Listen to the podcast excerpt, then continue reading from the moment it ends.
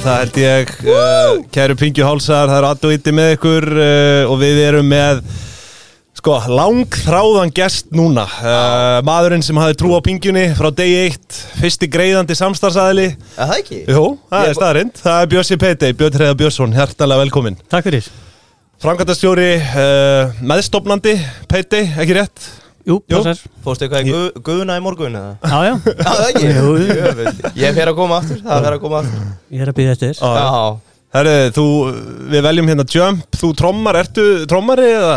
Nei, ég er ekki drómari en Nei. hérna gítarleikari Nó, já, já og hérna þetta var einmitt eh, þetta er eitt af lögunum sem að tókum í mentaskóla hljómsveitinni sem ég var í. Já, já, hvað, hvað hétt svo hljómsveit? Hún héti í skemmtilega nafni Sjáumst í sundi. Sjá. Já, já, sís. Sís, Hvar var þetta? þetta var á lögavatni ég var í mentaskólanum á lögavatni Já, já, Já, byrju, þú, Sunnlendingur. þú ert frá, byrju, á laugavatni, já, þú varst, ertu ekki uppalinn á flúðum? uppalinn á flúðum Já, og hérna það var alveg frábært að, að hérna, alast upp á flúðum. Já, og síðan uh, fórum við í rauninni mjög mörg hérna í mínum árgangi á, frá flúðum á, á laugavatn á laugavatni, í já. mentaskólan þar og það var náttúrulega bara Var ekki með heimavist og? jú, heimavist og frábær tími Voruð þið eitthvað að sull í landanum? Ég, það var alls, það var alls konar Það er nú heilt sögur á laugavatni. Já, en f- fyrsta braski, varst að brugga eða? nei, ég var nú ekki því, ég var ekki því. En það var, maður kynntist mikið að, að hérna, skemmtilegum krökkum þar sem maður þekkir ennþá í dag og, og hérna bara læriði ótrúlega mikið að vera í, á Já, og þetta er líka bara svo skemmtil, skemmtilegt það, það var svo mikil íþróttamenning hérna, og Já. íþróttakennaskólinn Já, var náttúrulega ennþá þá þar, ég er náttúrulega þetta er mjög flott svæði. Jú, mjög, og ég er náttúrulega ég er náttúrulega ég er orðin, orðin það gamall að þetta var fyrir svolítið mörgum ári síðan. Þannig að ég byrjaði hérna 91 í mentaskólan mhm. já.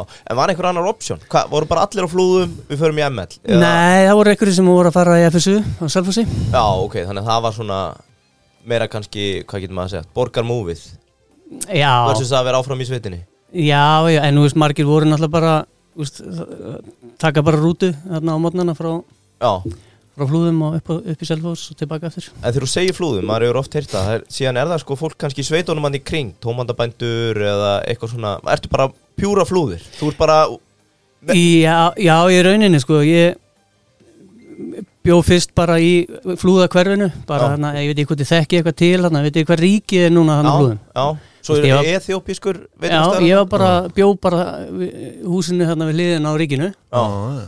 þar ólst ég í rauninu upp og bara fættur og uppalinn flúðamaður já, en síðan hérna Hva, sorry, hvað eru þið kallað? Flúðlendingar eða? Flúðarar? já, mm, hrunamenn Hrunamenn, Hrunamenn, já, já, já, er maður er sorry, að segja já, það er hérna þetta, þetta er hrunamann hreppur Já, akkurat og, og síðan, veist, flúðaskóli þú veist, þegar þú ert komin í hérna, hérna unglingastíðis Mm.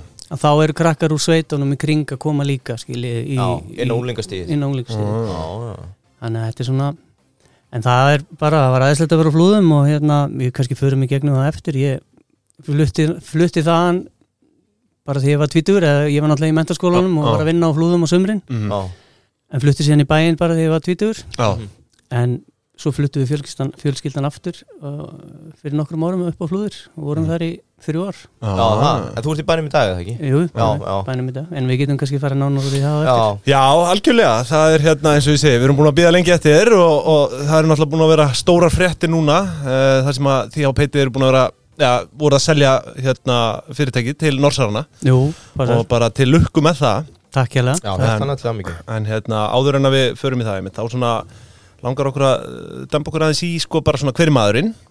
Og sko þú ert búin að tala svona um flúðir og, og, og, og fram, fram að tvítugu. Uh, varstu, svona við spyrjum flesta að þessu, varstu í einhverju svona braski uh, undir tvítugu þú veist, á yngri, Mm, yngri aldri. nei. engar tómbólur eða Nei, ég get ekki sagt það sko. Selja tómata. Nei, nei, Sulta, ekki nei nei, ekkert svo leið Æ, Ok, En þú veist, ég var að vinna mikið hérna, Amma mín og afi var hérna með garðurkistöð eftir flúðum sem að mamma mín og pappi reynda tóku síðan við þegar að afi minn dó.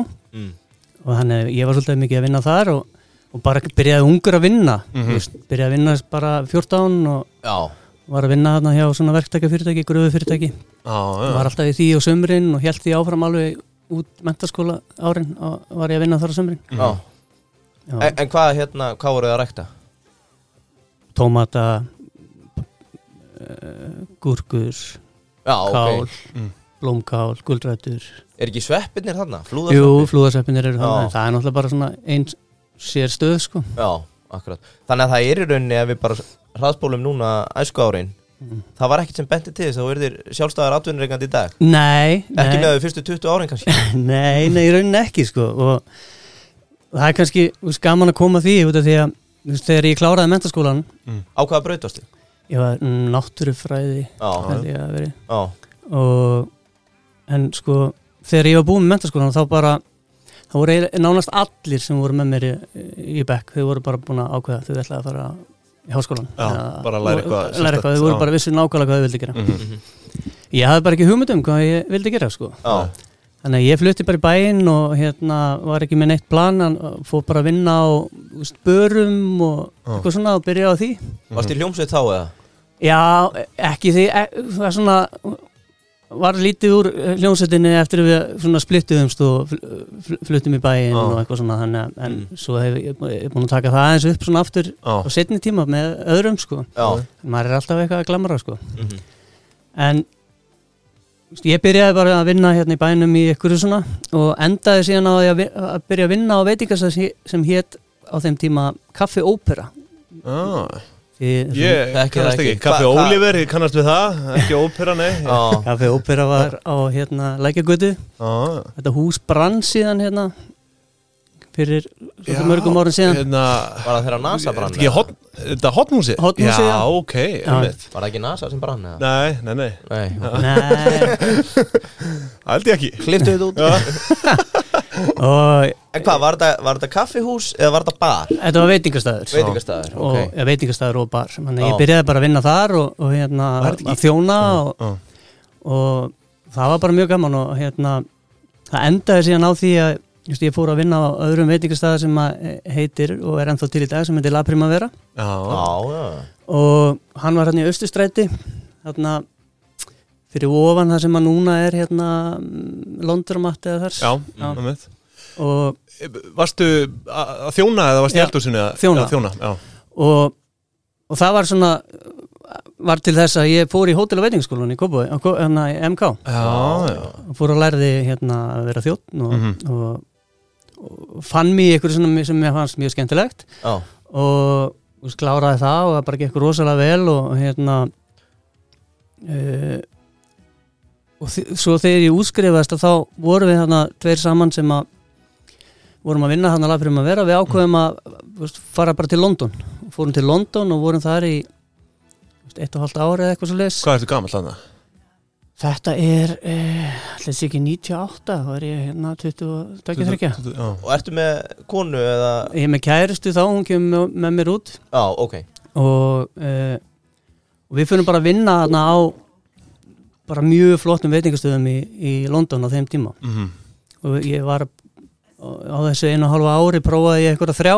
Já. Voru einhverju íslenski bankamenn byrjar að koma þarna? Við erum með einhver dólk eða? nei, Engin ekki á þessum tíma. Jöfn, þú verður aðeins að snemma. Það kom setna sko. Já. það kom setna Heyrður einhverja sögur á því eða? nei, nei, Nei, ekki, nei. ekki, ekki á þessum tíma. Eh, en uh, það var ótrúlega mikið æventýri en veist, það var svo, það sem ég fann svo magnað að veist, maður var búinn að klára hérna, hótel og veitingaskólan og var eitthvað út veist, lærður þjóttn og hérna, Mhm. þótt þetta rosa merkilegt og mhm, svo kom maður hérna út og, og fór í eitthvað viðtal og ég byrjaði fyrsti staðurinn sem ég var að vinna og var í eigu hérna Amerikana sem að heitir Wong og hann, þessi, þessi staður hétt Wong og var á þeim tíma til út um úst, allan heim úst, London, Mhm. uh, New York, Chicago, Hong Kong út um allan heim sko mhm. Ég kom, fór í atvinnu viðtal og sagði eitthvað ég síndi honum eitthvað skirtinni frá Íslandi hérna, lærðu þjóttn og, Já, og hann bara já ok, þú veist, hvað er það sko? Já, og hérna og, og hann byrjaði bara að segja þú, veist, þú byrja bara eins og allir hinnir Mm. það er bara í eldúsinu að þú hérna var skutt bara. Ég nánast, ég var Já. bara svona busboy skilur að hérna taka matinn úr eldúsinu og Já. með fram og, og sama tíma þurfti ég að læra allt skilur um matinn Já, skilur mhm, og hérna uh, þetta þetta var svona uh, það tók eitthvað svona, kannski einn og hálf mánuð, þú veist, og þá fór, fór maður að voru fannir að fá svona konfidendum og maður vissi hvað maður var að gera Mhm. og þá var þetta bara, þú veist, alveg geggjaða tími, sko. Og var einhver félagin sem kemur með út að vinna með þér á þessum tíma? Já, eða, veist, við Og vorum, svo kærastan og svo vinnuðin? já, og einn, einn annar, sko, hérna, við vorum í rauninni þrýr sem að fórum út. Allir að vinna saman eða? Nei, hinn sem að fór með okkur, hann var líka útskrifast sem þjóttnaður þessum tíma, hann var lærði á Hotel Holt. Mhm. Þannig við fórum allir að vinna á mismunandi stöðum. Mm og kærasta mín á þeim tíma eh, hérna, er að hún fór bara að vinna á hárgræslestofu og, Já. og við byggum öll saman og hérna, þetta var alveg geggjaða tími sko. En hvað, þú veist, á þessum tíma er þá bara stóra planið að fá reynslu og koma heim og reyka veitingastað eða hvað, mm, var kannski ekkit plan? ekkert plan þannig sko Nei. og eh, það var bara, þú veist, æventýri og, Mhm. og veist, svo endaði þetta á einhverju tókum við hérna smá reysu eftir, eftir árunni fluttum heim og fórum til ferðust um alla Ítalíu og vorum þar í einhverja fjóra vikur eða eitthvað svo leys Ungt og leikur sér. Já, þetta, maður þurfti ekki að hafa neinu sko. Nei, ég veit. Þannig svo, Og svo ferðu sko í rauninni 26 ára í háskóla. Já, það er nefnilega hérna fyndið, sko, just, Varstu búin að vera úti alveg frá 98 til 2001 þarna? Nei, uh, sko ég kom heim hérna um, 2001 eða eitthvað svo leis og þá fór ég að, held ég áfram að vinna sem þjótt hérna í bænum, sem var að vinna á stað sem að hétt Stixin Sushi sem var svona fyrsti japanski Já. sushi staðurinn sem var opnaður hérna. Mm, og uh, það var, þar hitti ég hérna, einna eigundunum á þeim tíma á þeim stað var hún hérna Halla Tómasar hérna Já, fórsetta frambjöðundi Já, alveg rétt, einmitt, alveg einmitt. rétt. og hún var á þeim tíma að vinna í háskólanum Reykjavík mm, eh, man ekki nákvæmlega hverju hún var að stjórna hvað deild hún var með þar mm. en veist, það bast eitthvað í tala hérna, veist, ég var að pæla hvað mér langaði að fara að gera hún sagði bara, heyrðu, bara driðu í háskólan mm og ég byrjaði sem sagt í háskólanum Reykjavík og þá kunni ég ekkert á tölfur ég átti ekki einu sinni tölfur sko. Og þú færð þá í apply- tölvunafræði applied-? Computing, er það bara tölvunafræði? eða? eða svona kerfisfræði Já, já þannig að ég tók það sem sagt í svona háskólanum með vinnu mm þannig að ég var bara að vinna uh, á, á veist, þessum veitingstað -hmm. og, og hérna fór síðan í skólan á, veist, ég, þurfti að fara í skólan á mótnana, þegar maður var að vinna á kvöldin og, já. Já, magna og hérna tók þetta þannig og, og hérna kláraði þetta sem sagt, kerfisfræði og fljótlega upp úr því að þá hérna fór ég eitthvað að reyna að leita mér að vinnu í því Mm Fyrirgeðu, hvað er kerfisfræði? Bara hann útskýra Ég er nefnilega veit um nokkra svona eldri sem kynna sér alltaf sem kerfisfræðinga Já, já, og það hljóma mjög vel en ég átta mig samt ekki á það Er það saman forritari? já ég, ég Er reyni það sama sko. bakendi? Hvað nákvæmlega gerir kerfisfræðingur? þetta er bara, er bara forritin sko. Já, og hugbúnaðafræði og hérna, og þannig er, er þetta meira bakendi eða frammendi? Eða? Nei, nei, þetta er bara bæði sko Já, og þetta er ekki að kunna ríkið Það er nú svona það, það er það sem ég ætla að koma inn á þetta Það er náttúrulega einn tegund að já þetta er ekki þannig nei, þú lærið það sérst ekki. Nei, nei, nei, nei, nei. Ok, En þú veist, hefði ég haldið áfram skilur og tekið eitt ári viðbót og þá hefði, það endað bara í BS í, tölun, í tölunafræði Já, skilur, já. sem Já, ok. tölunafræði veist, þannig að mér vantaði bara eitt ára upp á það en, Mhm. en ég fór að eh, veist, leita mér að vinnu og hérna á þeim tíma eitthvað, við erum að tala um að þetta er kannski árið 2000 og, tvö, þrjú. Nei uh, 2001 byrjar allan að samkvæmt Já. LinkedIn sko. Ég, ég er hérna komin þar inn sko. Já, ok. Uh, og er til 2005 ætla þetta ekki að hafa verið svona 2004 Ó, uh, og þá fór ég eitthvað að leita að einhverju vinnu og Mm. fann fyrirtæki, fann einhverja auglýsingu á hjá fyrirtæki sem að heitir Annað Veldi. Mhm. þeir voru að auglýsa eftir fólki og ég bara sendi tölupóst og fekk í rauninni bara svar alveg um hæl og hérna uh, en svarið er basically, heyrðu, þetta er hérna þryggjára gammal guðmul auglýsing. Og endur bara taka hann út.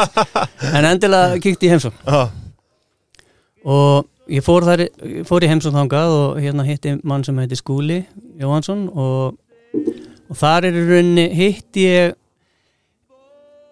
svona partnerina mína í mínu fyrsta hérna, fyrirtæki sem ég stopnaði Mm. hitti ég Sindra Má og hérna, Einar Sæfarsson og, með, og líka annan hérna, Arnar Ólafsson sem er hönnur sem er algjör snillingur og hérna, Sindri Már, hann er Fimboðsson eða ekki Jú. Já, sem sagt, einmitt. Sind, Sindri Má Fimbo og þe það hérna þeir voru á þeim tíma þú veist, með vefum svona kerfi sem ég man ekki núna hvað heitir ég, Þetta annað veldi sem Já, sagt Já, já. var eitthvað svona CMS-kerfi þá já, eitthvað svona CMS kerfi sem var voru vinsælt á þessum tíma Mhm. og, og voru svona að- að byrja grunninn að því að þjónusta symfóninu í hljónsveit Íslands með svona miðakerfi og eh, til að gera langa svo stuttar sko að þá í rauninni var miði.is sem sagt fyrsta fyrirtæki sem Já. ég stopnaði með sem sagt Einari og, og Sindra sem ég held að allir muni eftir Já. það er ekki spurning það hérna það var í rauninni til hérna inn í þessu eh, hérna öðru veldi öðru veldi, Annað já, já, Já. já, já. Og hvernig er- virka það? Fengu það að taka hugmyndina út eða það var í rauninni þannig að hérna við fengum e, það kom það kom nýr hlutafinn sem keifti út hana, hann skúla sem að e, e, átti annaveldi. Já, og það hlutafinn var hérna nýsir. Já. E, mun, mun eftir þeim eða? Nei. Nei. hvað er þau eiginlega gamlir? og af ungi grilla Já, nýsir. Réttum. Já, nýsir var sem sagt hérna félag sem að í rauninni var á þessum tíma að byggja hörpuna.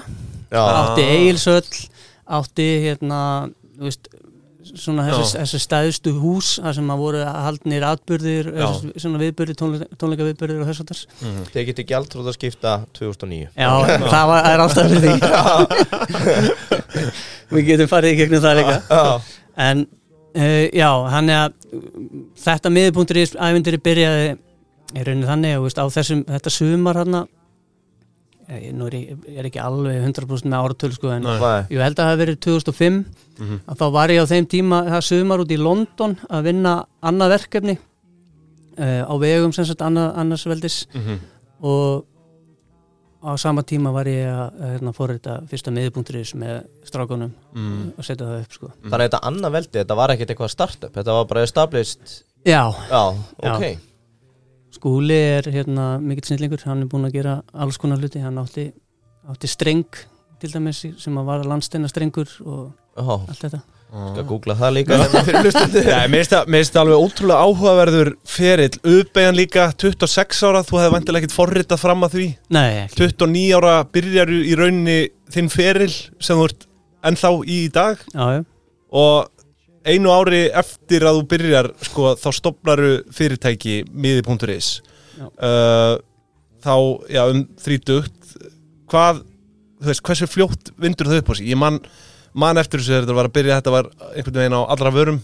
Þetta ger, veist- gerist rosalega rætt sko. Uh, var eitthvað á undan sem að þjónaði, þú veist Já, hvernig var umhverfið? Þú ætlaði bara að fara hérna segjum bara á Sinfonína 2003 Ég Bara, bara hring- panta og borgar staðkreitur bara hér og það mættir var, ekkert, það, Það var var engin, bara það var ekkert svona online kerfi þannig. Já, uh, Þannig ég, ég veit ekki nákvæmlega hvernig þetta var sko. Nei, já, hva, hvað gerir miði.ri sem breytir þessu? Að þá gast í fyrst skipti pantað en ekki borgað eða gast gert bæði? Þú veist, Við vorum bara með þú veist, VF Mhm. þar sem að allir ívendarnir voru listaðir og getast gast keift online mm -hmm. uh, miða.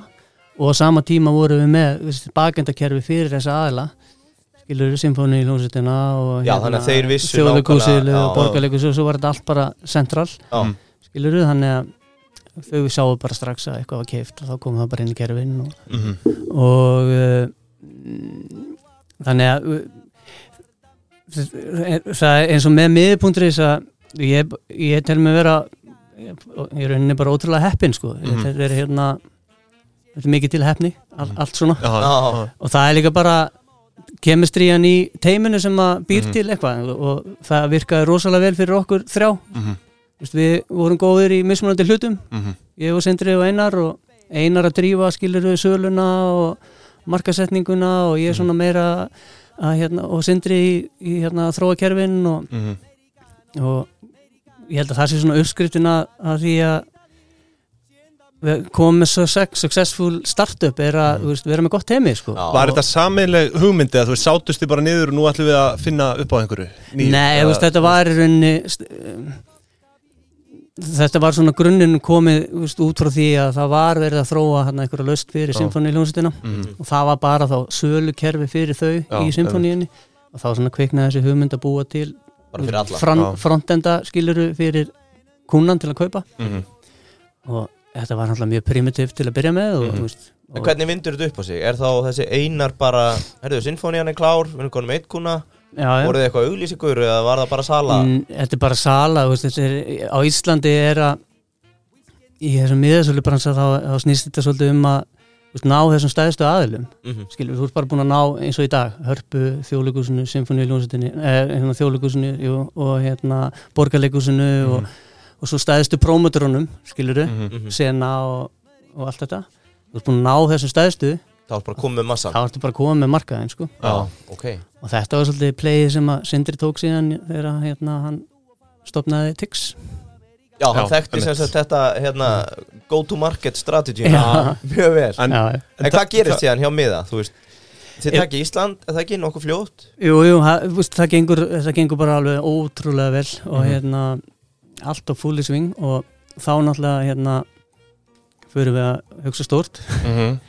og ákveðum að í, í partnership með þessum hérna, hlutafi hjá okkur, Nýsi að fara til Danmörkur Mhm. og við fórum það þangað og keftum hérna e, miðasölu fyrirtæki sem að heitir Billettlúin Já, Það er bara strax komin í acquisitions. Já, jú, lýst mér á okkur. Já. og uh, þetta var náttúrulega bara hann að kortir í raun skiluru Já, um þetta og Var þetta bara, Jón Ásker var að kaupa Magazine to Nord? Já. Við verðum að nú kaupum við eitthvað. Já, já, þetta Þú veist, hversu mikil, hversu mikil risk var þetta samt Þú veist, að kaupa tiltrúlega lítil væntalega ennþá á bara alþjóðamarkaði? Þú farið og ráðist í kaup í öðru landi. Og að vera- stærra fyrirtækin ykkur Eða var þetta bara samfærlegt? Já, Billettlúin var miklu, miklu starra fyrirtæki sko. uh, en veist, þetta var bara svona uh, þetta var Sjötti ekki bara við og- að koma og hérna, að, þetta var svona samstarf, þeir voru að leita nýri lausn, sem tækni lausn fyrir sig. Mhm, og, og þetta var bara fitt mhm, passaði vel að taka miði.is hérna lausnina mhm.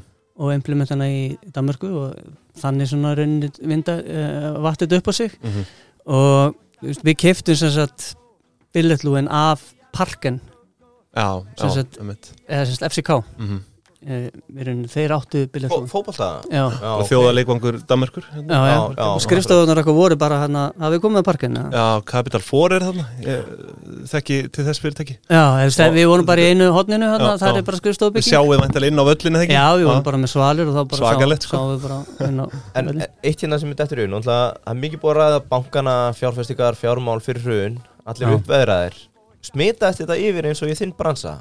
Voru þið líka uppveðraðir bara, heyrðu Það er að gera allt hérna erlendis Nei, við vorum meira bara með okkar, okkar vissunum að koma með okkar hugbúnað og mm Mhm. gera eitthvað eitthva gott sko. við vorum ekki, Þannig að allt hafari í þjóðfélaginu var ekki að smita inn í ykkur nei, nei en þú veist, maður heyrði þetta alveg, veist, ég man bara ég glemði aldrei eitthvað, eitthvað, eitthvað ferðina áður en við, við fluttum síðan allir til Köpmanafna sko. Mhm. en áður en við vorum náttúrulega var ég, okkur, var ég í leigubíl á leiðin á flugvellinum og, og hérna var að spjalla við eitthvað leigubílstjóra og hann var bara fuss á sveigja yfir Íslandingum, kerðum hérna fram hjá einhverju húsi, magasíndir norð hérna, þið eru búin að kaupa þetta og hvernig í alla þessa peninga og eitthvað svona. Já, við vorum að segja að við verið að kaupa þarna miðasölu fyrirtæki. Ah, ég leist ekkert á þetta.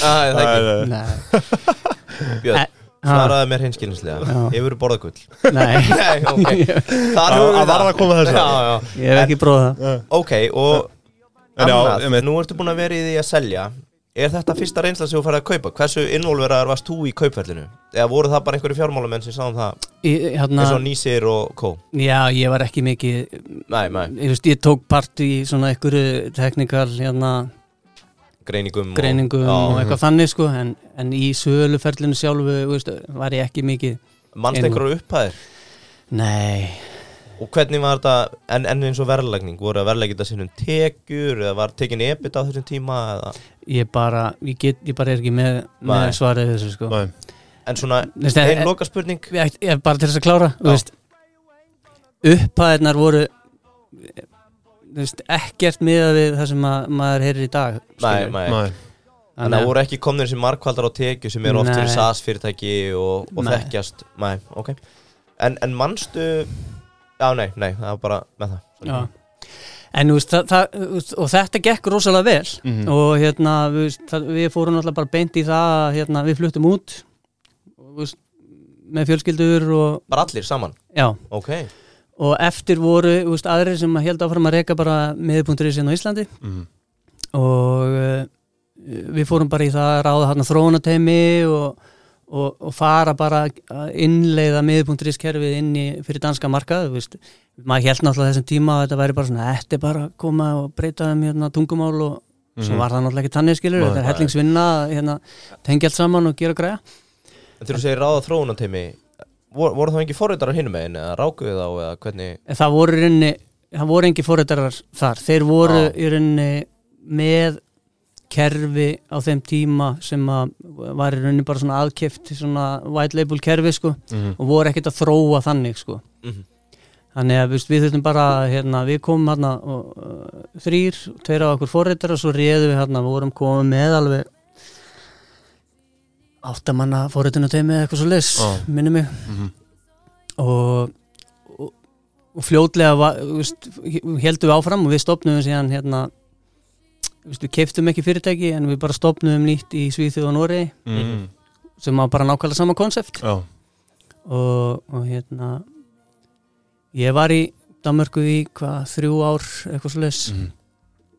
og þurftum á endanum bara að flytja heim og það var ekki út af, út af því að okkur líka ekki vel í köpen sko Nei. það var bara við ákvæmum að við flytja út og með eina einsás Mhm. eða nei, hún var sex mánuða Já. og svo hérna fljótlega var konan aftur ólétt og það var alveg óvart tvíburar Já. Já, ok og það var þeir fættist í, í hérna kaupmannahöfn og svo bara var þetta orðið of mikið fyrir okkur skilur, það var ekkert Já. bakland og, og þá komu fluttum við heim og fluttum á flúðir. Þá flúði ég aftur til mamma og pappa skilur Eru þið þá með þrjú undir tveggjára eða? já, Þeir fæðast, jésus Yngver ósofin hérna Já, já En ok, sko, þannig að miði En þið seljið svo 2008 Eða ekki? En bara hvernig Er- er- gengur þetta í Danmarku? Hvernig Já. gengur businessin? þetta gengur bara mjög vel en síðan Já. alltaf kemur bankarhun skilur Já, og það, veist það það sem gerist þá náttúrulega bara er að nýsir fyrir hausinn sem var stæðstil hlutafinn í okkar batteri Mhm. og þá kemur bara, það var þá strömi burðarás á þeim tíma sem að þú veist, dífaldaði bara öll lánin og var hlutafið skilur Mhm. og við heldum síðan áfram að vinna með þeim en hvað áttu þeir stóran hlut? e, það var orðið alveg sko ég, man ekki nákvæmlega tölurnar en þú veist þetta, En þeir eru meiri hluta eigandi í fyrirtæki sem þið eru basically bara að rekka já, Fara á Mhm. hausinn já Já, ok og síðan svona, þú veist, maður, maður læriði mikið þessum tíma Mhm. sem er búið að hjálpa mér í dag Já. Að þetta er svona, það þyntist alltaf út hluturinn okkar og, og hérna maður djöflaðist og djöflaðist og sá alltaf einhverja gulrót og menn sagði þetta er rosa mikið hérna. En in the end of the day sko þá þá fengum, fengum við mest, mest bara reynslu út úr þessu sko, ef við getum orðað þannig. Mhm. En uh, veist, félögin, held, félögin heldur bara virk þó að koma hérna bankarhun og heldur þetta alltaf áfram og gekk vel skiluru og, og en strategían með, með ströymi var í rauninni að við, við ætluðum að veist, selja þetta Mhm. og við vorum bara í ferli og að hjálpa þeim að, að, hérna, að gera það Mhm. og á endanum var þetta síðan var þetta selt til hérna nordisk film Já. þekki þá eitthvað Nei. Nei. nordisk film, ef, ef við horfum eitthvað tíman á einhverja skandinaviska þætti eða bíómynd þá er það framleitt af Já. nordisk film. Ok. Exit, en- kannski. Já, örglega Já, en nú verður að koma með upphæð. Manstu einhver upphæð Mm. þegar miðið var seldur? nei, nei, nei, Nei, nei. Ekkert svo leys það var þetta voru þetta var alveg slatti en það var, það var lítið sem að kom í vasan hjá okkur. Já, já það var þannig. Þannig að þetta var einhver svona life changing amount í ykkar vasa nei, En varstu eitthvað inn í söluferlinu þá eða? já, þú veist, það var, það var svolítið bara svipað sko að hérna Uh, þá var ég bara partur í einhverju svona technical due diligence og, Mhm. og, hérna, og þannig hlutum sko mm -hmm. uh, og einhverju strategíu á hérna, að þróun á, á, á lausnunum í, fara með tíman og Og þetta er þá í fyrsta skipti sem þú ert að díla við normenn Ekki að síðasta Er? Er þetta Danir? þetta er danir Nordisk film? Já, Já, ok já.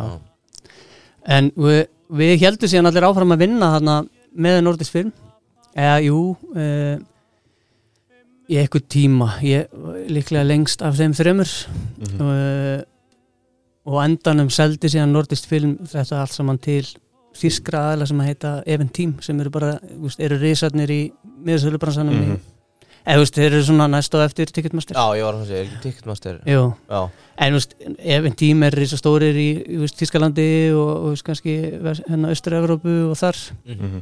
uh, og eru líka núna orðin sterkir á Norrlöndunum með, sem sagt, eftir þeir kiftu biljettlúin og, og biljettfórum og Biljettfórum og- Er mikill svona samþjöppun í þessu núna þessu staða?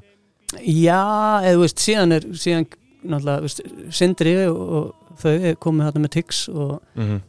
hann náttúrulega bara fór full swingi að keira þetta líka í, í, í Noregi og Svíþjóð og Já, Danmörku. bara taka Þa, tvö Það er Já, í rauninni já. væntalega að einhverju loknum samkeppnis svona ákvæði Já. Já, Hva, Hvað ár erum við stödd hérna?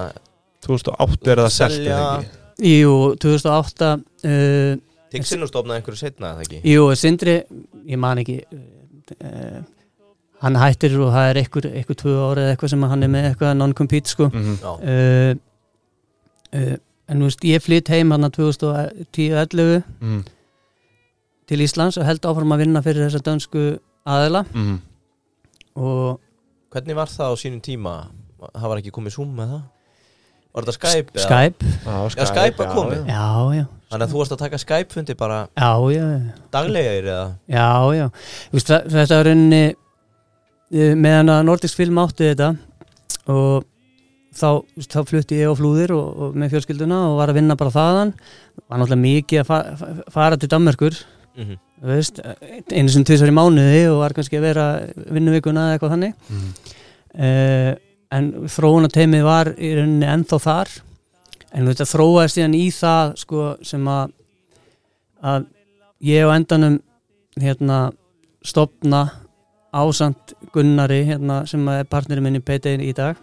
Ég Hérna, kannski fyrir- ekki fengi alveg nóg mikið kredit frá Nei, en sjátt á hann. Við, við stopnum hérna félag hérna heima þar sem að við í rauninni settum upp uh, þróunateimi Mhm. sem að var að þjónusta þetta miðakerfi í hérna, Danmarku Nóri Mhm.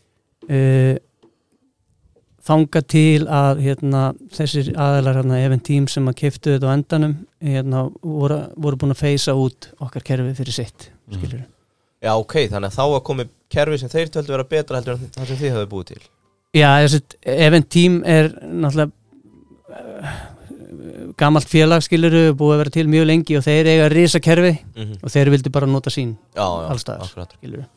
Þannig að það var alltaf, alltaf planið sko. En, en mannst eftir að vera á einhverjum fundum þar sem þú varst bara, þetta er bara bull alveg örglega Já, já, lest í þér heyra það? Já, já, eða þú veist. Það er oft nögra með svona allána, sérstaklega á forriturunum þegar einhver Já. kemur og segir, "Heyrðu, við ætlum að taka okkar fram yfir ykkar. Já, já, en þú veist, það var sko kannski alveg vita Lá fyrir. Það lág fyrir skiluru þegar að Nordisk film var að selja þessum aðlum þetta, að þetta væri að fara að gerast. Já, en þú veist, síðan var gerður ykkur, gerður við hérna samning svona eitthvað verktakasamning eða eitthvað við, við þá Mm. Og þetta átt að taka eitt ár en það tók ekki eitt ár, það tók Nei. ekki tvö ár það tók lengri tíma skiluru Ó, ó, ó.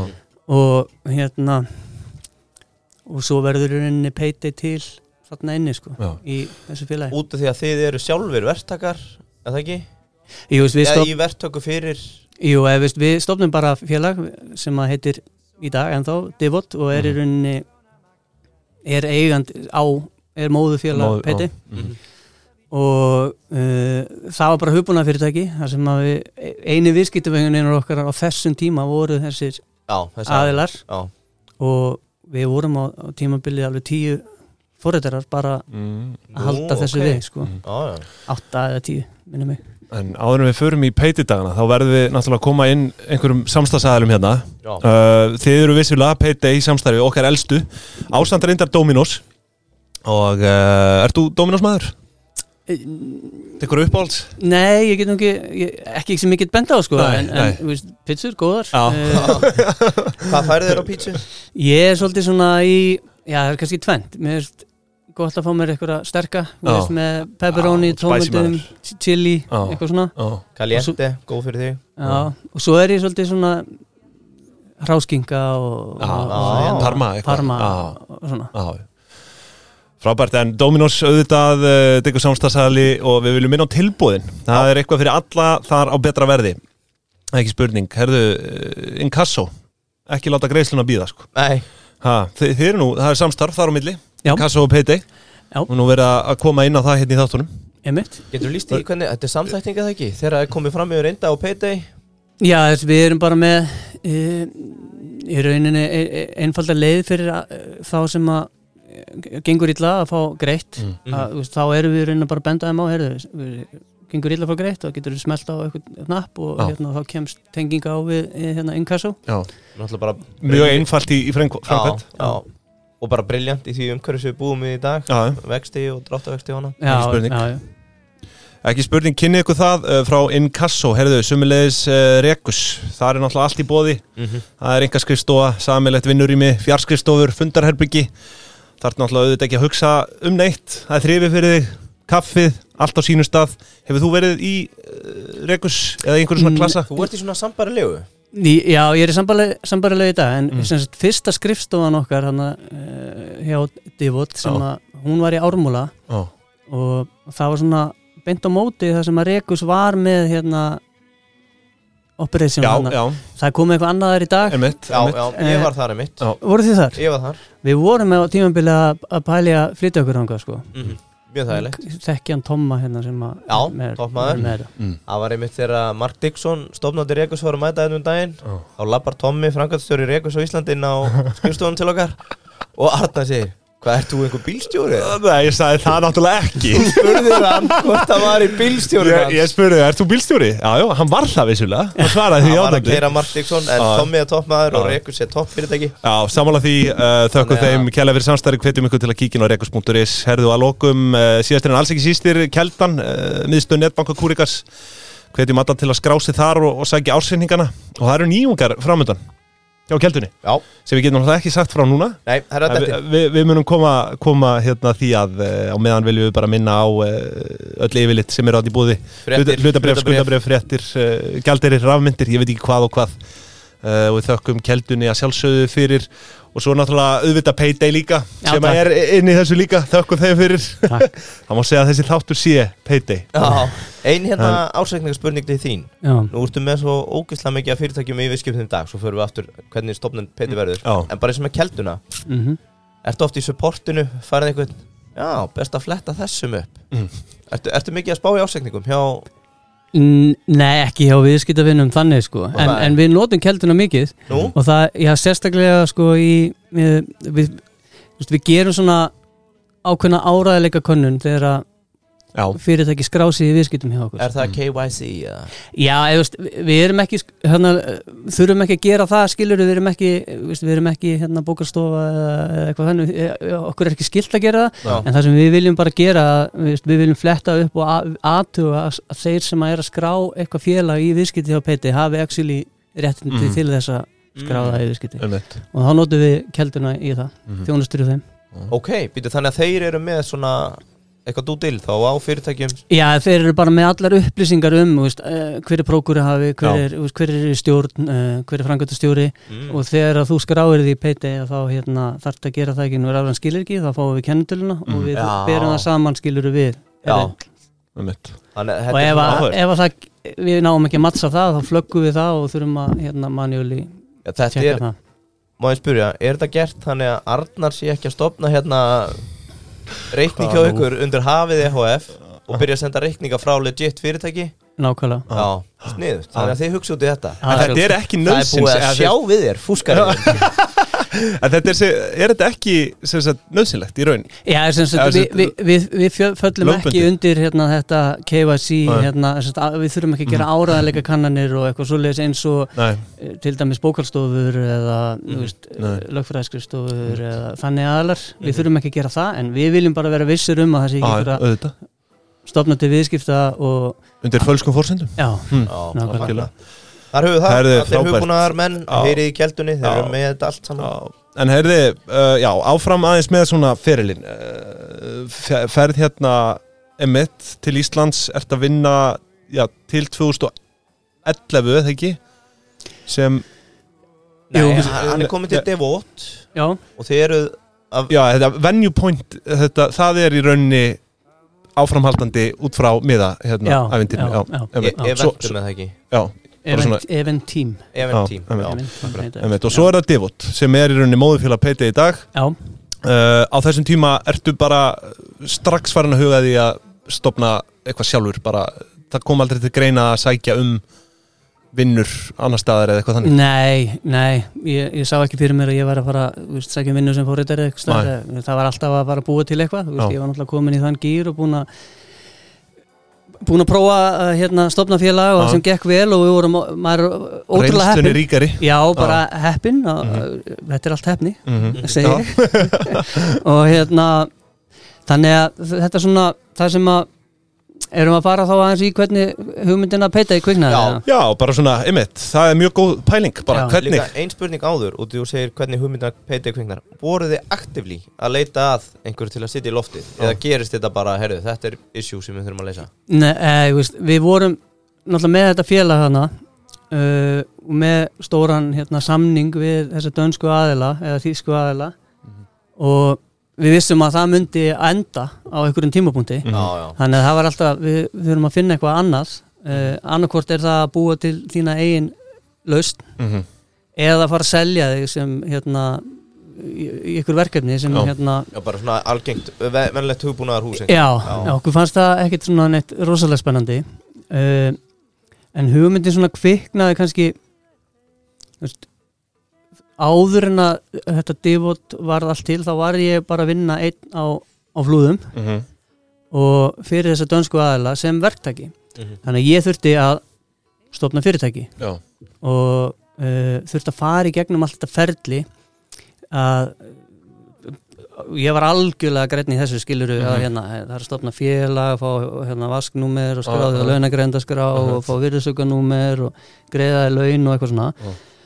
Og bara sem betur fer að þá hérna æsku vinnu minn Mm. hans Stefán Ari já, sem að er þriðji partnerin okkar í Payday Mhm.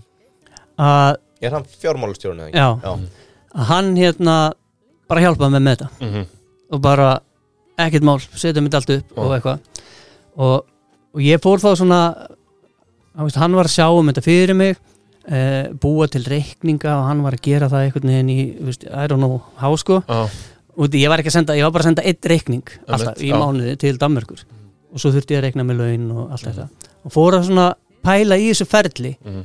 og, það, og hugmyndin kviknaði að Payday og það hlýtur, að vera að búa til eitthvað plattform sem Mhm. einfaldar þetta Mhm. fyrir sjálfstæð starfandi einstaklinga og það var alltaf hu- hugmyndin í byrjun Mhm. og, og þá fór maður að sjá að það voru hérna alls konar mismunandi þjónustu til skiluru hjá skattinum og hjá lífyrirsjóðum og hjá hérna hinnum og þessum aðilum. Veitu hvernig þjónustur þá?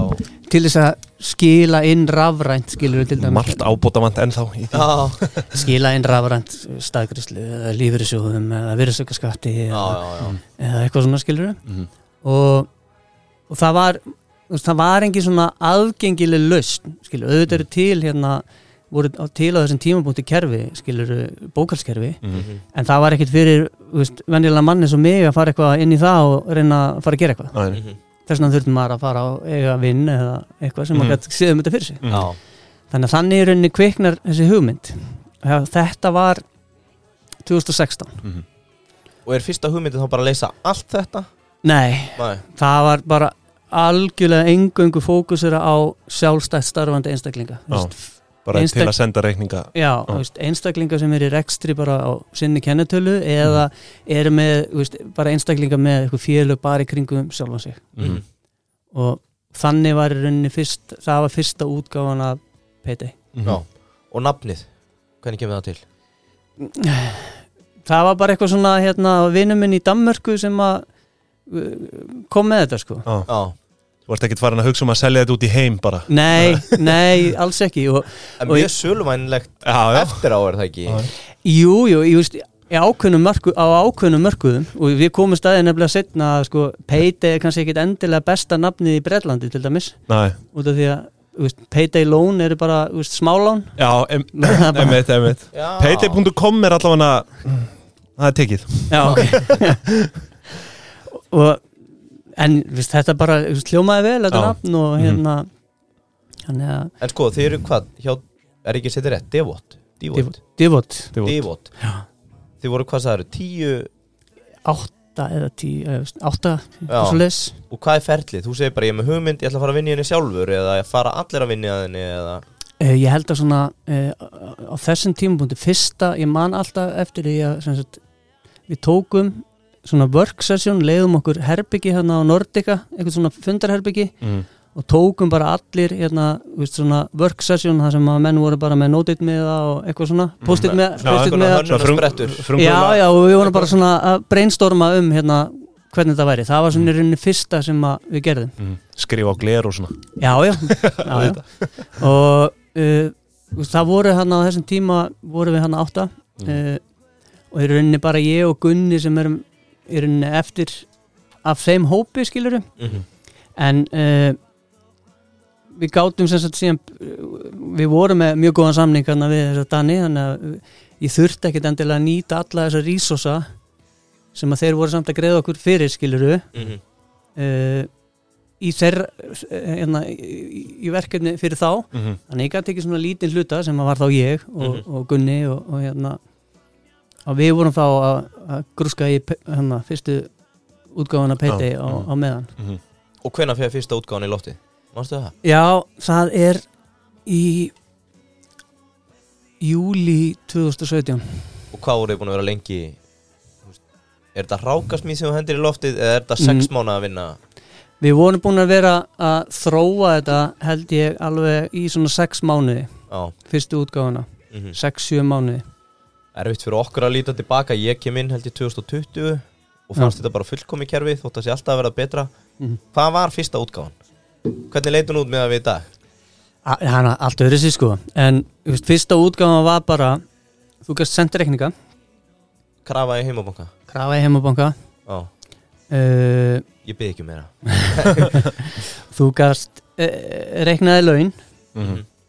og þú gæst uh, skráð útgjöld og, og hérna kerfi sendi uh, inn veriðsökkaskíslur Mhm. fyrir því Ok, en, þú veist, en hugmyndin alltaf var alltaf í byrjun að hafa þetta automated eins mikið hægt er Já, og targeta minni fyrir, eða þú veist, væntalega bara einirkja og, og Já, svona, þá sem já. væri með félagi kringu sig hvernig gekk það til að byrja með, þú veist, var, hvernig fór þetta á stað? já þú veist hvernig lönsið þessu? Settu þetta bara í loftið við settum og... þetta bara í lofti Á, og, og svo bara eitthvað hérna markasetning Nei, ekki, ekki svona strax í byrjun en það var mest bara svona uh, láta vinni sína vita og posta eitthvað á Facebook og, Mhm. og hérna eitthvað svona sko. Mhm. Já, og svo svona fór þetta stað rólega og, og fyrst við fengum fyrst fyrsta greiðandi kúnan var í hérna lok ágúst 2017 2017, já. já hann eru tekilösir í tvo mánuði. Já, Já, Já. En samt að fá í notendur eða? Já, já, eða, veist, það voru bara vini og eitthvað svona á, Já. á sérkjörum. Já, Já, og,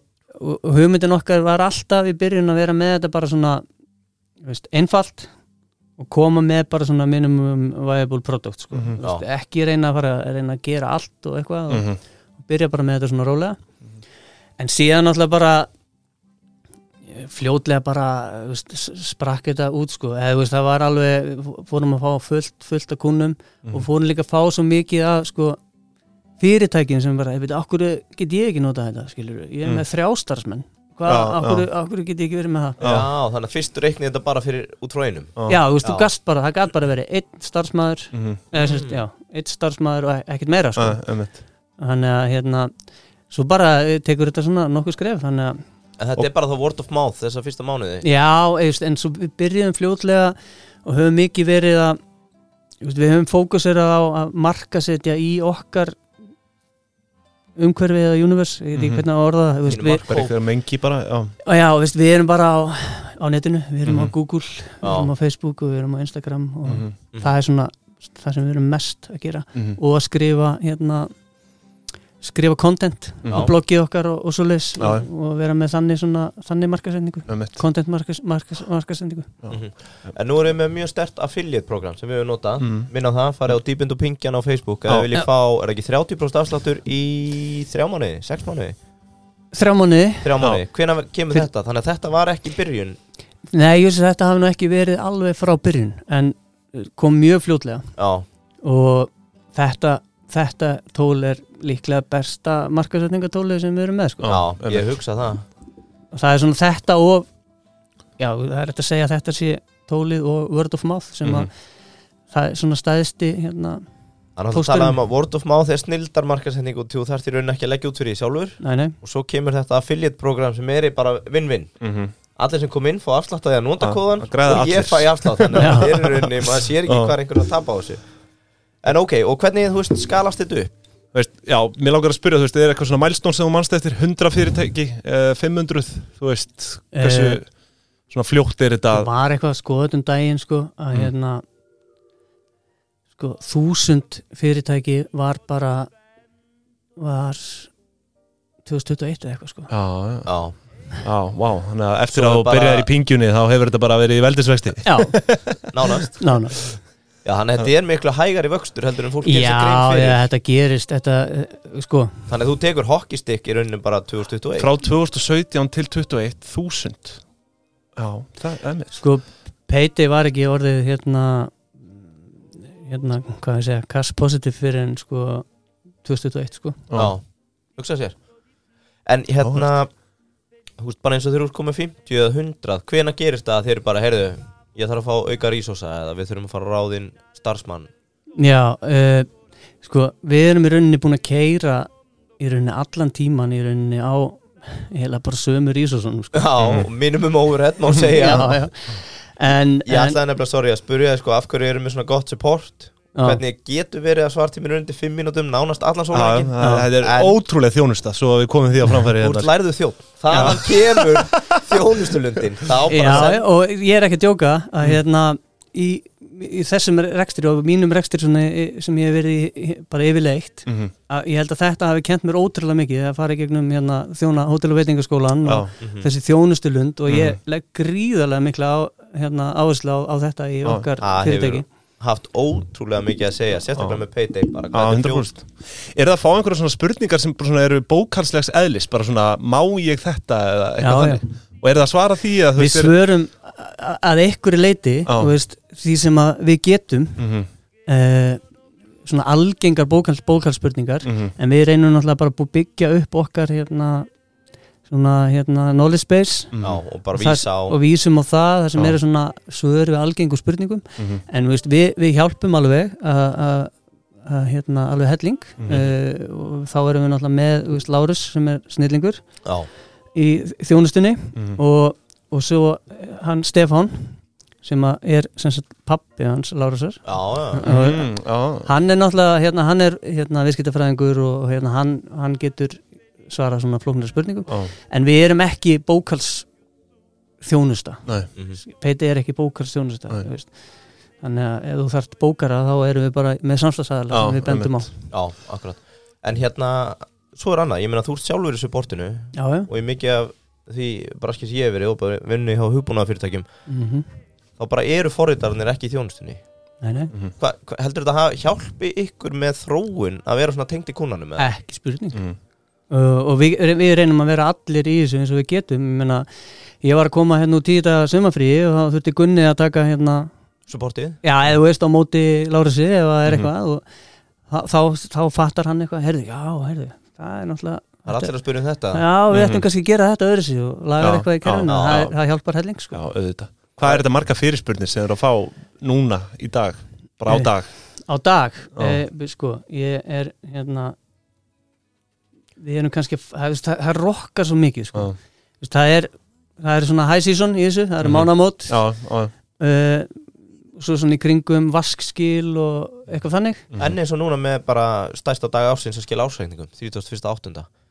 Er ekki bara bilað að gera eitthvað ykkur eða? nei, nei Vask skilin stærri já, já, þú veist ástreikningunum að það, veist, jú, jú, við erum náttúrulega að fá okkur fyrirspurnir frá bókurum og svona, þeir eru náttúrulega meira að hjálpa okkar kunnum að klára þetta sko. Já, en veist, þetta eru kannski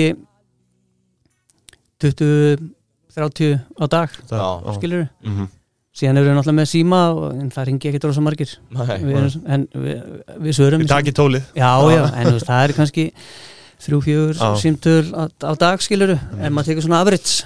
Já.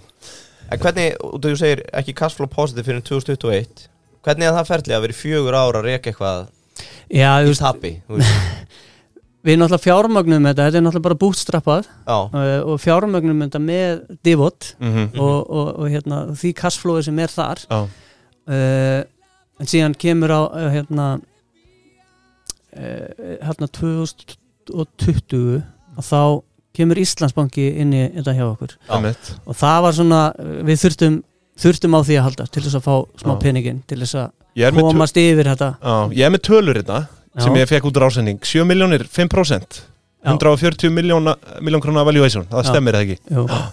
Þannig að 7 miljónir þarna hefur verið mikilvægur bara peningur til að viðhalda rekstri. Já, en svo gerðum við við á svona ákveðin samstarfsamning skiluru Mhm. líka Já, var það ekki eitthvað að þeir voru með mikið af kunnum sem voru eftir á að senda reikninga eða eitthvað Jú, og ég veist, þeir, við gerðum svona veist, þetta var, þeir fjárfestu fyrir, keftu 5% slutt mm -hmm. á þessu fáranlega valuationi Já. en það fenguðu líka peningi sem heldur betur Ah, tilbaka ah, núna ah. svo er bitna reikin, sko, er þetta ekki bara eina, eina kaupum aldarinnar eða? Jú, ég held að Já, uh, En uh, Fannst þér erfitt að láta frá þér, þú veist, eignar hlut nei, nei, nei ekki, ekki, þú veist, út af því að þetta var bara svo lítill hlutur Já, en þú veist, þegar við announcum þetta þá held allir bara Íslandsbanki verið búin að kaupa petið sko. uh, en það var ekki þannig Nei. þetta var bara, það getur lítið hlut Mhm. svo gerum við samstarfsamning Mhm. sem að þeir voru að borga okkur í eitt ár x upphæða á mánuði sem Mhm. hjálpa okkur en við vorum að fá meiri pening sko já, og þetta náttúrulega bara hjálpa okkur helling Mhm. pluss það að, að hérna, það, það geta gaf okkur svona ákveði credibility Já, að vera komið með eitthvað svona aðila herðu, við trúum á Mhm. þetta félag mhm, og það hjálpa okkur í að, að vaksa mhm. og svo voru þeir að, eru þeir náttúrulega bara eh, hérna aktífli að, að vísa kunnum á okkur já, sko. Já. akkurat Það er einmitt hellingsvirði Og því svona, var ekki aukin samþætting ykkar á milli, eitthvað til að byrja með Er ég að byrja með það? uh, við erum, nei, ekki þannig sko Næ, ok uh, en veist, við, við erum búin að uh, fá helling út úr þessu samstæðað við Íslandsbanka Mhm. og, og hérna, við höfum getað að leita til þeirra ef það er eitthvað og, og hérna, sem er bara, Mhm. sem er alveg briljant sko. Já, en að, sko, kannski þá bara að sölunni Nei, núna. höldum okkur aðeins áfram hérna í hinnu áður við komum að því Við erum, við erum bara komin til 2021 já, Samkeppnin á þessum tíma já, og við höfum nú tekið á fyrir áður DK sem er svona það stærsta á markanum. Já. Þið eru samt kannski aðeins annað segment þóttu sé að bæta við ykkur. Þið eru lítil til meðal stór orðið núna, er það ekki? Jú, just, í byrjun vorum við náttúrulega bara fókusir á einstaklinga. Já, og það er, það segment er á Íslandi svona, svona cirka 18.000 manns. Það eru 18.000 Erst svona einstaklingar í rekstri á Mhm. eigin kennetölu mhm, Já, ok. Skilji, mhm. það er hann alltaf allur uh, skalinn af því hver, hvers konar hva, það getur Þú verið ert bara að tala um á eigin kennitölu Já. bara sinni persónulega já, en þú skráður hjá skattinum mikið, sem já. hérna rekstraræðili Já. Er Já. þetta ekki mikið yðnaðamenn sem stofna ekki eigið félag? Ég veit að læknar eru mikið að fara bara í þetta Já. til dæmis Já, uh, það, þú er alls konar já, já, Og- 18.000 og það getur líka bara verið þú veist, eitthvað sem sendir eitt reikning á ári sko, uh, Já. eða eitthvað þannig Mhm. en það, og svo, svo náttúrulega við áætlum að þessi small medium hérna, eh, sme markaður á Íslandi sé svona cirka 28.000 fyrirtæki. Og, veist, og stór hluti af því getur alveg verið bara svona einstaklingsfyrirtæki sem bara, Já. bara einn Já, skilur já, bara einirkjar samt með Já. sér EHF þannig að það, það, það segment sem að sá hópur, markhópur sem við erum að fókusera á er þessi 18.000 pluss 28.000 Mhm. Já, þá- og þeir eru komið með 4.000 þannig að það, þið horfum bara að þið séu með um hvað, þá um 10% markasluteld já, eitthvað aðeins undir það. Já, en við erum fyrst og fremst að fókusera á hérna, lítil og meðastór Mhm. Nú eftir. Já, en nóg eftir. En hvernig er samkjöfnin? Þú veist hvernig breytist það? Þeir eru í einirkjónum, hver var að keppa ykkur þar? Konto og mm, Það voru, já, kannski konto uh, og svo kannski fyrst og fremst held ég að þeir aðlar hafa á þeim tímapunkti ekki verið með neinn kerfi heldur bara verið með eitthvað bókara sem að hjálpaði þeim Já, skilur, já, já. að gera hluti sko. Mhm. Svo stíðið upp, komnir í smið. Já, Þá er, lítur þetta að vera orðið meira Regla, júnikonta sko stæðstu samkvæmdisæðararnir eru náttúrulega bara DK, regla.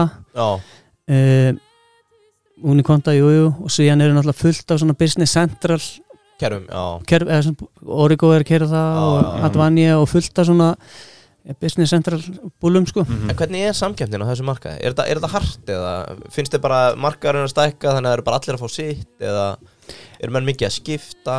Ég hef ekki hýrt um Mm. neitt sem skiptir úr peiti hinga til allan Nei, í, sko Just, ég held að við hefum fundið svona ákveði gap í markaðnum, á markaðnum sem við vorum að fókusera á sem að kannski margir eru ekki að fókusera á. einmitt. og það er rauninni hugmyndin með peiti Vist, við erum að búa til eitthvað eitthva plattform sem er byggt upp allt öðru sig þetta er software as a service kert í, í skíinu uh, við fókusunum svo mikið á að fólk geti gert hlutina sjálft. Já, þannig getur við í rauninni kert á massan, við erum með 4000 kuna í dag mhm skilur við, en það eru fimm starfsmenn að hérna, supporta þetta skilur við Mhm.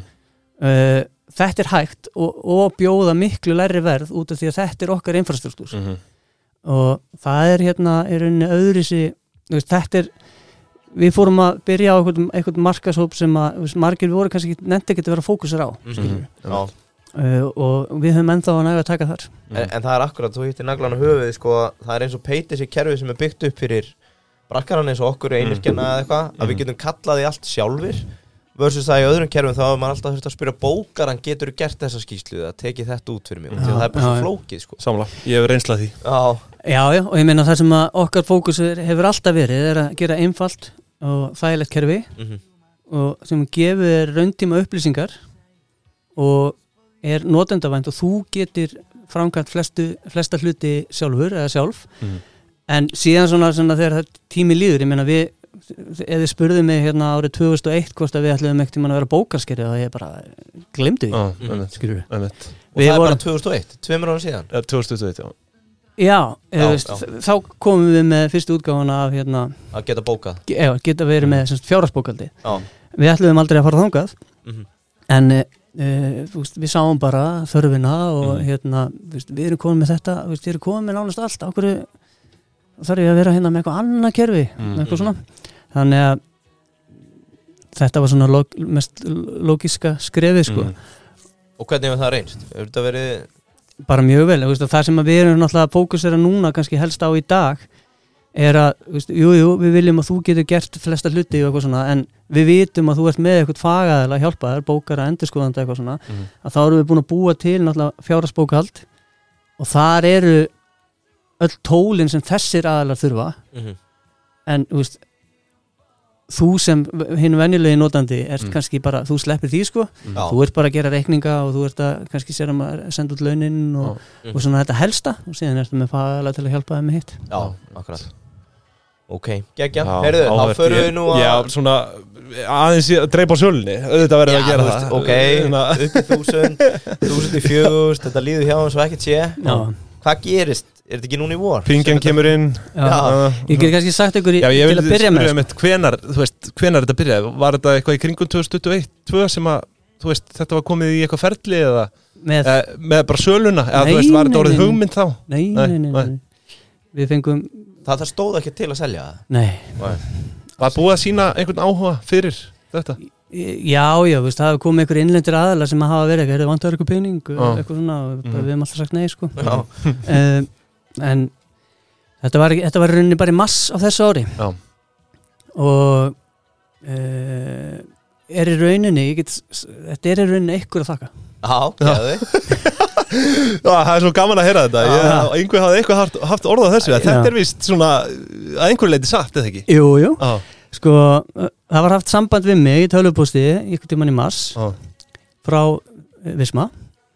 Og þar sendi mér post stelpa sem að heitir Edda, íslensk stelpa mhm, sem er að vinna hjá Visma. Mhm, og síðan setna mér fór ég að spurja hana skilur hva, hva, hvernig fannstu Payday og eitthvað svona. Mhm. það bara, já, ég er alltaf að hlusta á pinguna Já. Þeir eru alltaf að Payday Það erum við ekki að henda klappi Já, á er ekki, Eddu hérna Klapp á eddu. Já, Já, það var gaman að heyra þetta. Já. Já, já, Og þannig? Og þannig kvikna, þessar samræður já veist, þau, þau hafa, bara samband og hérna vilja eitthvað spjalla og, og ég tek með einhvern, einhvern videofund Mhm, henni og, og einum öðrum mhm. og Fór hann fram á norsku nei, Nei. hann fór, fór fram á ensku Já. ég hef nú getað tekið dönskuna sko en, Já. en, en, en eh, já og hvað ég að segja sko þau á þeim tímambúndi saði ég bara við að við værum ekkert að pæli að selja peti. Mhm. Mhm. og það væri ekkert hérna það væri ekkert á planinu og, og við ætlum bara að halda áfram og sagðum hérna bjarta framtíð og allt þetta Mhm, og, en, en auðvitað væri allt í sölu fyrir rétta verðið mhm. og og hérna það í rauninni endaði þannig og, hérna þau komu síðan með eitthvað tilbúð sem að við sögum bara strax nefið Já, Og, og það, það, Það er er bara mæi eða kalt bara strax í mars? Ég það hefur örgulega bara verið fljótlega hana eftir hennar fund sko. Mhm. Já, við þurfum að heyri í eddu. Ertu fierce negotiator? Þú er alltaf bara reynslunni ríkar eftir allt þetta. Já, heldur betur. Já, Já, og bara við, við hérna við strákarnir sko, við, þetta er búið að vera ótrúlega tvertli sko. Mhm. En hvernig er þetta svona cross-border? Ertu að svara þessi tölvupósti eða taki í Skype eða Zoom og þú segir bara, ég ætla bara að segja ykkur nei.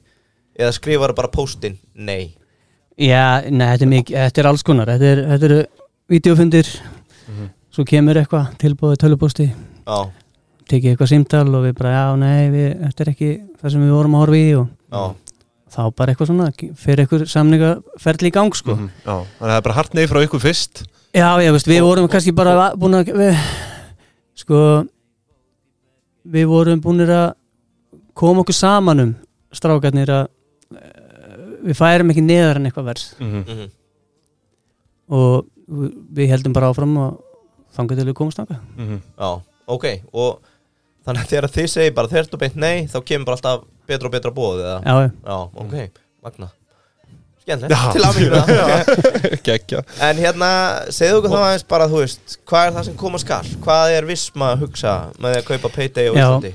sko bara svona til að taka fram að veist, við vorum alls ekki vissir veist, þó að við vorum konið með hérna eitthvað eitthva tilbúð sem við vorum til í að til í að skoða Mhm.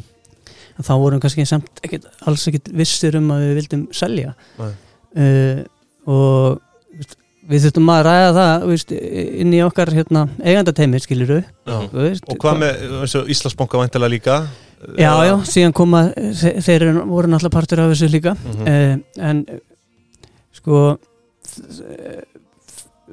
það sem okk ég hef náttúrulega búin að prófa að fara í gegnum svona alls konar Mhm. ferli áður Já, og sérstaklega að vinna með svona stórum aðilum Mhm. og manni fannst svona fyrst svona svolítið Vá, þetta er eitthvað rísa fyrirtæki og, já, við tókum það nú saman um daginn Mhm. Hvað, Og- 14 starfsmenn Já, og... já. Mhm. og uh, alls konar uh, þannig að manni fannst þetta svolítið intimidating sko en það sem að í rauninni seldi okkur þetta á endanum var að þeir sögðu bara, þeir voru búin að skynna fyrir okkur hvernig, hvernig þeir vinna Mhm. og ég get svona hlaupið snögt yfir það, veist, þetta er bara Visma er hérna móðufélagið Mhm. og undir því eru bara 180 núna Mhm, Fyrirtæki fyrirtæki Mhm. sem er rekin hands off uh, sem sjálfstæðar einingar Mhm. og það er bara þær hafa þína, sína framkvæmdastjórnir og eða semst sína stjórnir og framkvæmdastjórn og, og það er bara 180 framkvæmdastjórn Mhm. og, og það er ekkit verið að þeir eru ekkit í svona einhverju McDonalds væðingu, þeir Nei. eru ekkit að kaupa hérna Payday og klína hérna einhverju vismakerfi og eitthvað svona, það er bara Payday, við trúum á Payday Mhm. við trúum á ykkur þið þekkið þennan markað Mhm. við viljum að þið kerið þetta áfram Mhm. Mhm. Þannig að þú ert ekki að fara að flytja til Danmörku núna að setja upp Payday í köpi Nei, nei, Nei. við erum bara að fara að fókusera á að gera payday markasleðandi á Íslandi. Mhm. Já, ok, þannig að það er bara áframaldandi vöxtur hér. Já, já, ég minna, við erum allir að fara að halda fram að vinna þarna. Já, bara orðnir óbreyttir laun þegar á Já, Íslandi. en það sem, að, það sem ég ætlaði að segja sko, það sem að selda okkur þetta á endanum var að þeir sögðu bara, heyrðu hérna er þessir 180 framkvæmdastjórar. Mhm. þið meði velja einn eða tvo eða þrjá og þið getur bara fengið one-on-one fund með þeim. Mhm. og þeir segja ykkur þeirra upplöfun af því að joina Visma Já. familíuna Mhm. Og tókstu svoleiðis fundið? Já, og ég valdi sem sagt Var það ekki bara einhver leikari? Frá Ísland Nei, nei, ég valdi Ég valdi sem sagt hérna Dana sem heitir Martin Thorborg Mhm. sem að ég er búin að vera að fylgjast með sko í mörg mörg ár, ár síðan ég bjó í Danmörku Já. hann er bara svona entrepreneur sem er búin að stopna fullt af fyrirtækjum og hérna Er með Dinero já, Já. hann er með Dinero í Danmörku sem er svolítið að svipa Herðu, byrju, hvað er það aftur?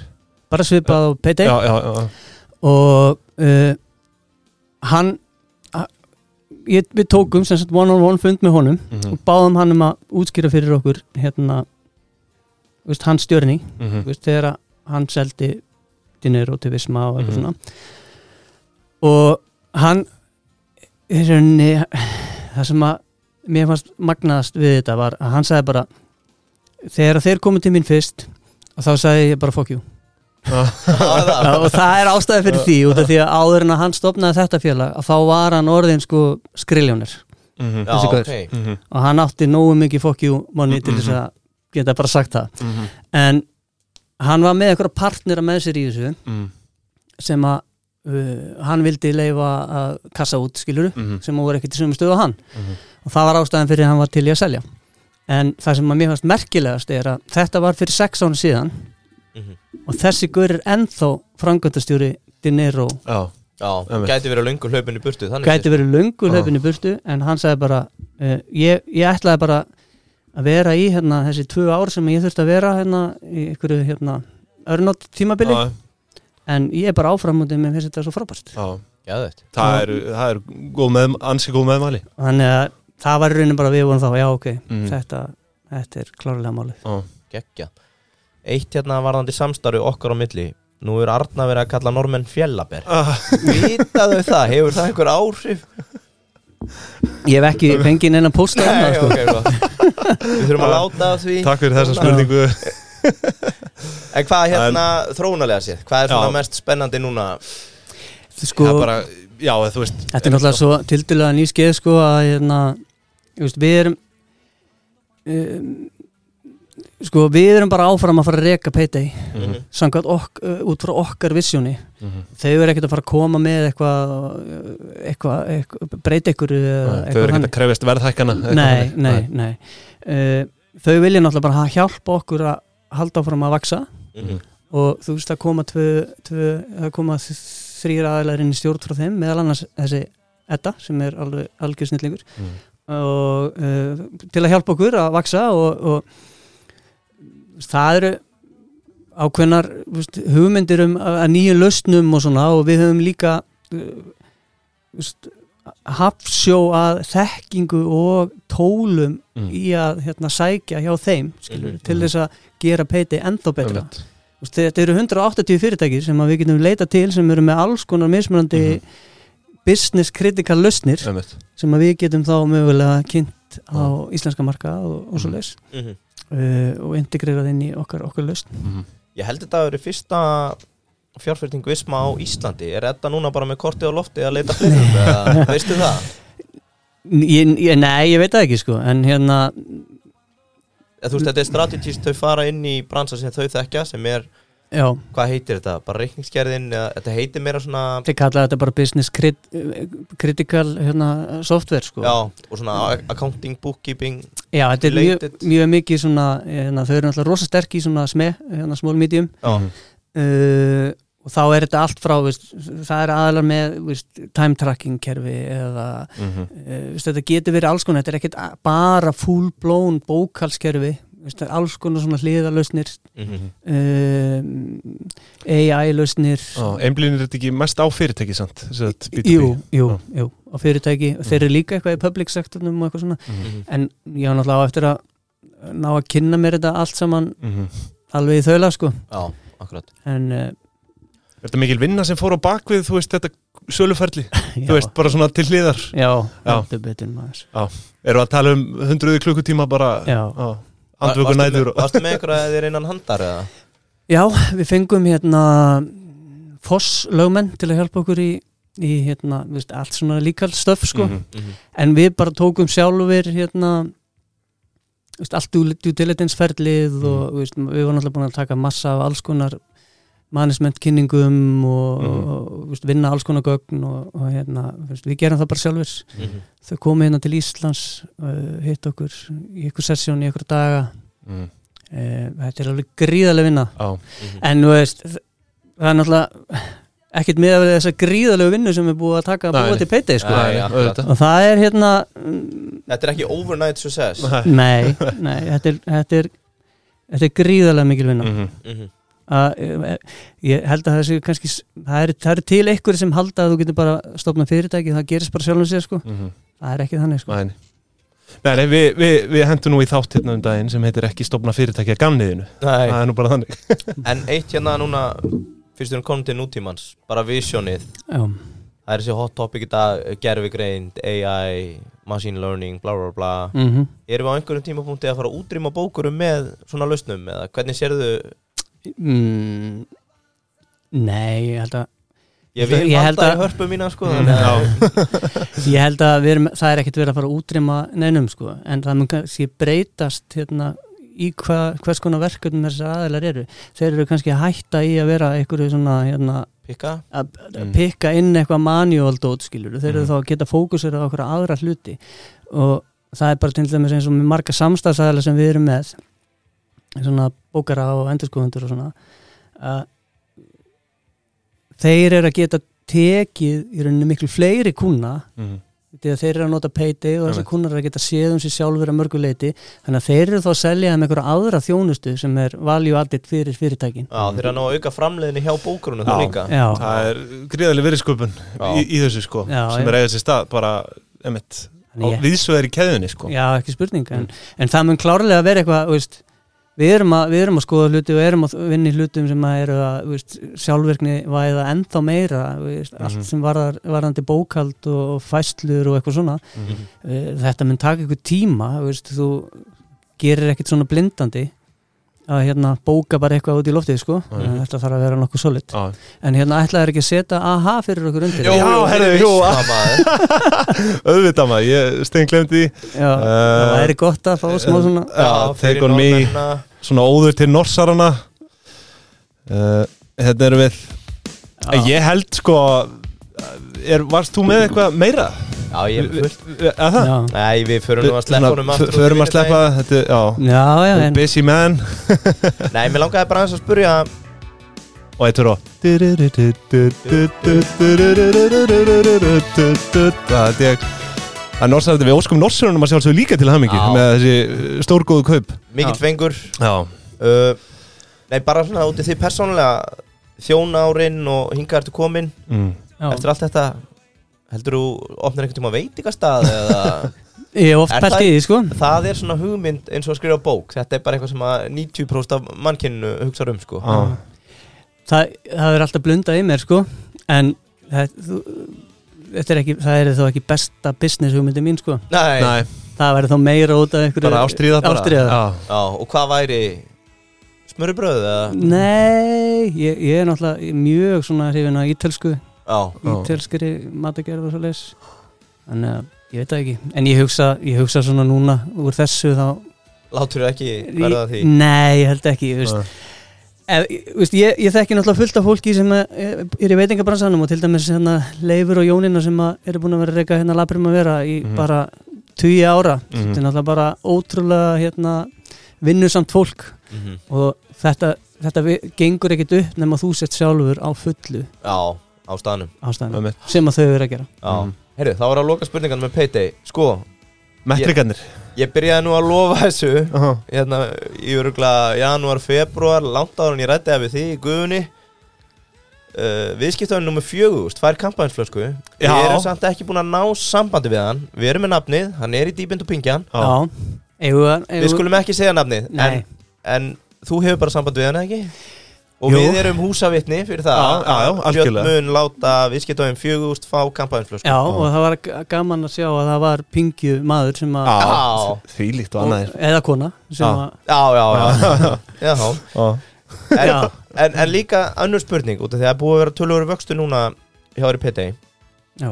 Er einhverju kategóri sem er að springa út núna sem að, þú veist, er þetta ferðarþjónustan að pikka upp og færa sig yfir Er, er einhver svona trend eða er þetta vefverslannar Uh, sko við, við erum að sjá uh, rosa mikið í vefversluna bransanum við, við erum með svona alls konar integrationir við vefverslanir og svona inn í Payday mm -hmm. og það er að koma stert inn uh, en síðan erum við veist, við erum í rauninni bara með alls konar sko. Mhm. uh, það er erfitt að svona pinpoint eitthvað ákveði en ég myndi segja svona við værum sterkastir í það sem að þú ert sko þú ert að selja tímaðinn eða veist, fólk Mhm. sem situr við skrifborðið og, Ráðgjöf, lögfræðingar ráðgjöf, lögfræðingar mm. sjúkraþjálfarar uh, Já, um, Þjónustu aðilar já, Já. veist, þetta er alls konar við erum kannski ekkit rosa sterk í retail Mhm. uh, út af því að við erum ekki með svona já ég ætlaði að mynda að spurja líka Er Pos- bara einhver bransi sem þú myndir segja bara Þið eru auðvitað betur stöð annar staðar eins og er Já, eins og er, já en, Og eru það þá bara litla búðir eða ertu að tala um bónus? Já, við myndum aldrei fara þangað þú Nei, nei. við- Ef að gummi ringir þá segir bara nei takk.